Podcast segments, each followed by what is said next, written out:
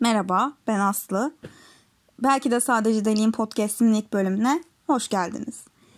Bu bölümde size nelerden bahsedeceğim önce onları söyleyeyim. Ee, önce biraz kendimi tanıtmak istiyorum size. Sonrasında bu podcast yapmaya nasıl karar verdiğimi ve e, başlıktan anladığınız üzere Paris'e geldim. Buraya yerleşmeye ve burada yaşamaya nasıl karar verdiğimi, son olarak da Paris'teki evimi nasıl bok bastığını anlatacağım.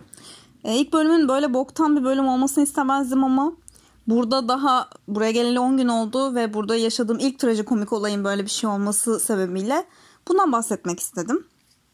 E, kendimi tanıtırsam 26 yaşındayım. İTÜ Kimya Mühendisliği bölümü mezunuyum. Ve buraya gelmeden önce yaklaşık 2 senedir de büyük bir kurumsal firmada çalışıyordum. Podcast yapmaya nasıl karar verdiğime gelirsem yani çalışma hayatım biraz yoğun geçiyordu açıkçası. Özellikle pandemiden dolayı evden çalışma sistemine alışmış bir şirket e, bir anda e, ofise dönünce herkes o evden çalıştığımız zamandaki mesai saatlerini bizden bekledi ve haliyle çok yoğun bir çalışma e, sürecine girmiş oldum. Aslında evden çalışırken de çok yoğun ve uzun saatler çalışıyorduk. Dolayısıyla hiç vaktim yoktu. Vaktim olsa artık enerjim kalmıyordu. Ek olarak ailemle birlikte yaşıyordum ben Türkiye'de ve hani sessiz bir an yakalayabilmek ailesiyle yaşayanlar beni anlayacaktır ki biraz zor. Dolayısıyla Paris'e geldiğim zaman bunu yapmaya karar verdim. Çünkü 10 metrekare evimde ben yani sessiz bir ortam yakalayabilmek benim için çok zor değil ve burada şu an henüz 10 gün olduğu için geleli vakit benim için çok fazla var. Bol vaktim var burada. Bunu aslında kendime biraz da günlük olsun diye kaydediyorum. Yani dönüp geriye bunları dinlediğim zaman aa evet ben böyle bir şey yaşamıştım. Vay be ne günler geçirmişim vesaire demek için de kaydediyorum bunları. Neden istifa ettiğime gelirsek yani buraya gelmek için istifa ettim aslında onu dediğim gibi. Ee, bir sebebi de aslında çalıştığım yani işimi seviyordum ama yani artık bir yerden sonra e, önünü göremediğim bir süreçti benim için. Çünkü sözleşmeli bir çalışandım ben ve beklentim vardı şirketten. Çünkü iki senedir neredeyse orada çalışıp emek verdiğim bir firmaydı. Ve yani beklentilerimin karşılanmayacağını hissettiğim için de aslında istifa ettim. e, Fransa'ya nasıl geldim peki? Ben Fransa'ya dil okulu aracılığıyla geldim aslında. İşte dil okuluna başvurdum Türkiye'den. E, Fransa'daki bir dil okuluna. Oradan kabul mektubumu aldıktan sonra vize işlemlerini vesaire başlattım ve artık buradayım. Buraya geleli 10 gün oldu. E, şu an henüz bir işim yok ama buradaki planlarım burada yerleşik olarak kalabilmek. E, bunu da yüksek lisans ve iş zorlayarak yapmayı planlıyorum. Yani umarım olur diye düşünüyorum. Şu an dediğim gibi henüz bir işim yok.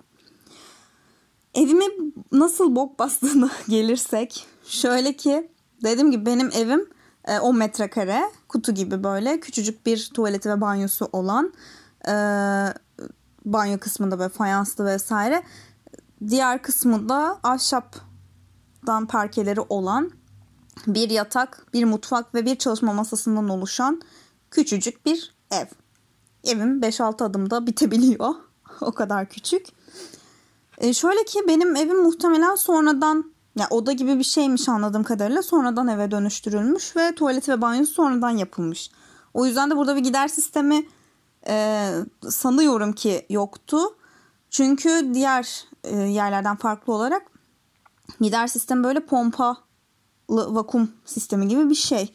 Yani mutfaktaki suyun e, gideri de banyodaki suyun gideri de tuvaletin gideri de hepsi aynı yerden bağlanıp gidiyor. Hepsini bir pompa aracılığıyla böyle vakumlayarak çekiyor. Gider. Oradan lağma akıp gidiyor. Ee, benim pompam farkında olmadan bozulmuş. Tıkanmış. Şöyle ben e, buraya gelişimin 6. günüydü. Banyoya girdim. Banyodayken suyun e, gitmediğini fark ettim delikten. Hani tıkandığını falan sandım böyle hani saçla vesaire. Baktım öyle bir şey yok. Ama su gitmiyor. Ve su artık böyle dışarıya doğru taşmaya başladı şeyden, küvetten. Ee, sifonla hani o sifona basıp pompayı çalıştırmayı denedim. Sifona bastım. o vakum sesi gelmedi ama e, banyonun deliğinden dışarıya boklar çıkmaya başladı. Gerçekten böyle bildiğiniz bok e, şey yukarıya doğru süzülmeye başladı. Her yer su, kirli su, pis, iğrenç bir şekilde. E, neyse bir şekilde kendimi çıkardım oradan.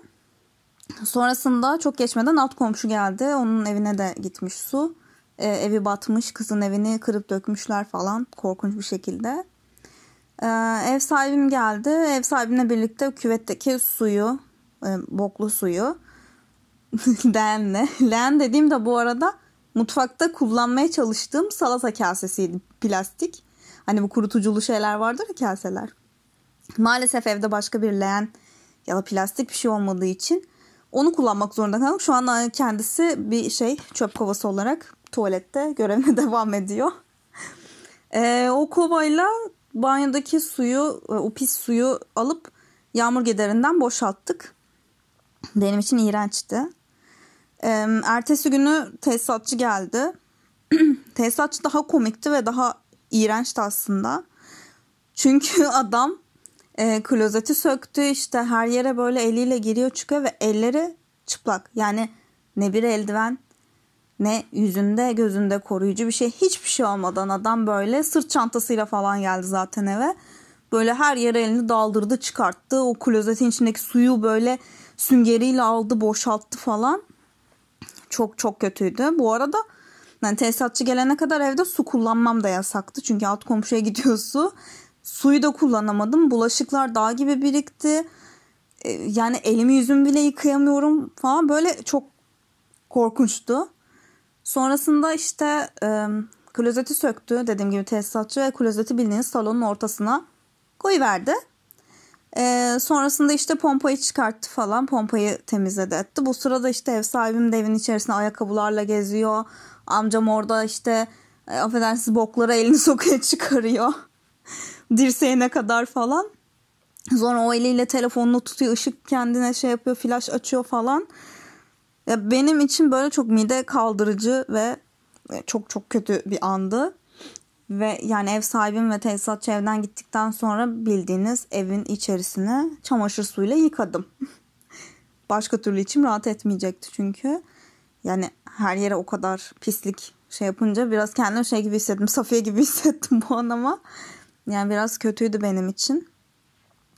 Yani Paris'te yaşadığım ilk e, kötü anın böyle trajikomik bir şey olması komik ve şeydi yani bunu birkaç sene sonra dönüp baktığımda benim için eğlen hala şu anda da eğlenceli bir an ama daha komik olacaktır diye düşünüyorum. Bir de yani bundan birkaç sene sonra Türkiye'ye gittiğim zaman şey diyebilirim. Avrupa'yı bok götürüyor gelmeyin. Burada kurulu düzenim olmasa ben kesin gelirim falan. Ee, yani Türkiye'ye dönmeyi açıkçası çok düşünmüyorum. Burada yerleşik olmayı planlıyorum. Umarım olabilirim. E, sebebi de kendim buraya atabilmişken Türkiye'nin ekonomik durumu bu kadar kötüyken neden geri döneyim diye düşünüyorum.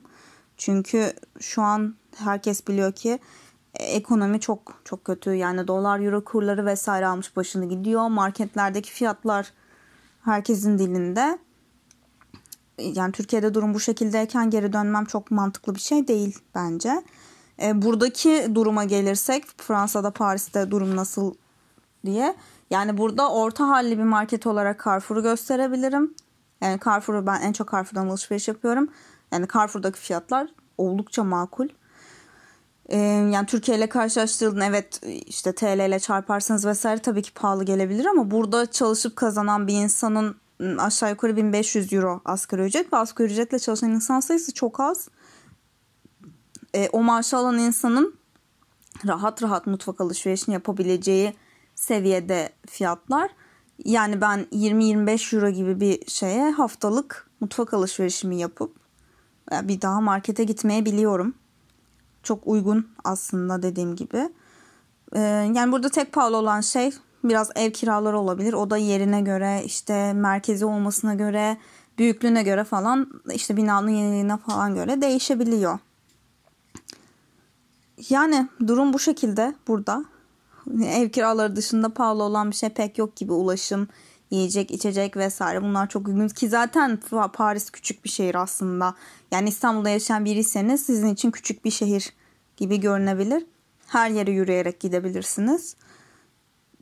Güzel tarihi yerleri çok fazla var ve ben böyle yerleri çok seviyorum. O yüzden şu an mutluyum burada. Yani umarım da kalıcı olurum dediğim gibi. Anlatacaklarım bu kadar. İlk bölümüm böyleydi. Size başımdan geçen trajikomik olayı anlatmak istedim, paylaşmak istedim. Ee, bir sonraki belki de sadece deliyim bölümünde görüşmek üzere. Hoşçakalın.